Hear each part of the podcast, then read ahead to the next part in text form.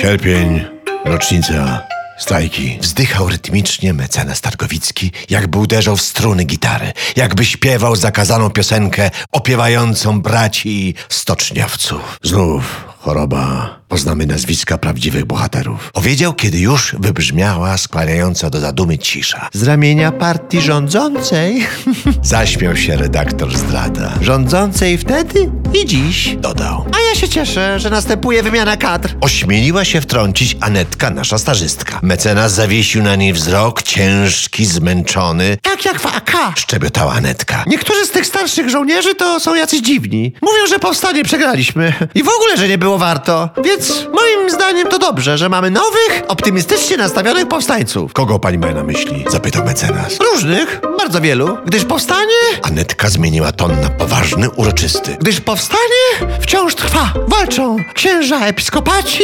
walczy pan prezydent, albo ta jedna pani kandydatka, która 63 dni będzie prowadzić kampanię. Tyle, ile trwało powstanie. Targowicki jęknął, zdrada zazgrzytał zębami. Powstańcy, pani Anetko, nie walczyliby najmniej z tęczowymi postkomunistami pokroju Biedrony czy Szczeciny. No właśnie, a my walczymy. Wyprężyła pierś Anetka. Groch z kapustą. Westchnął mecenas. W głowach groch z kapustą. Niestety nie tylko od święta.